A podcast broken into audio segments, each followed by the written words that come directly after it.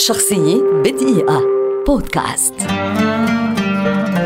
أحمد شوقي كاتب وشاعر مصري كبير يعد من أعظم شعراء العربية في العصور الحديثة ويلقب بأمير شعراء ولد عام 1868 لشوق الريادة في النهضة الأدبية والفنية والسياسية والاجتماعية والمسرحية التي مرت بها مصر. أما في مجال الشعر فالتجديد واضح في معظم قصائده. ومن يراجع ديوانه الشوقيات ذا الأربعة أجزاء لا يفوته تلمس بروز هذه النهضة. فهذا الديوان يشتمل على منظوماته الشعرية في القرن التاسع عشر وفي مقدمته سيرة لحياة الشاعر.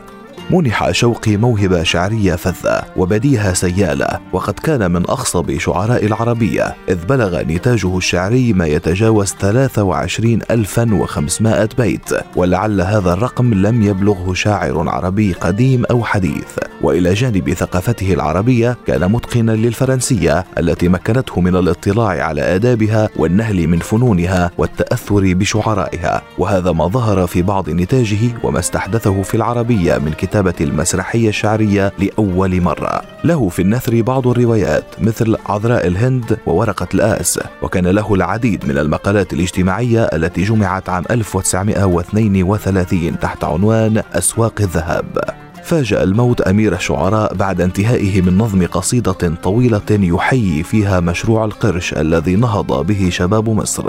فتوفي عام 1932 تاركا إرثا أدبيا أثرى المكتبة العربية.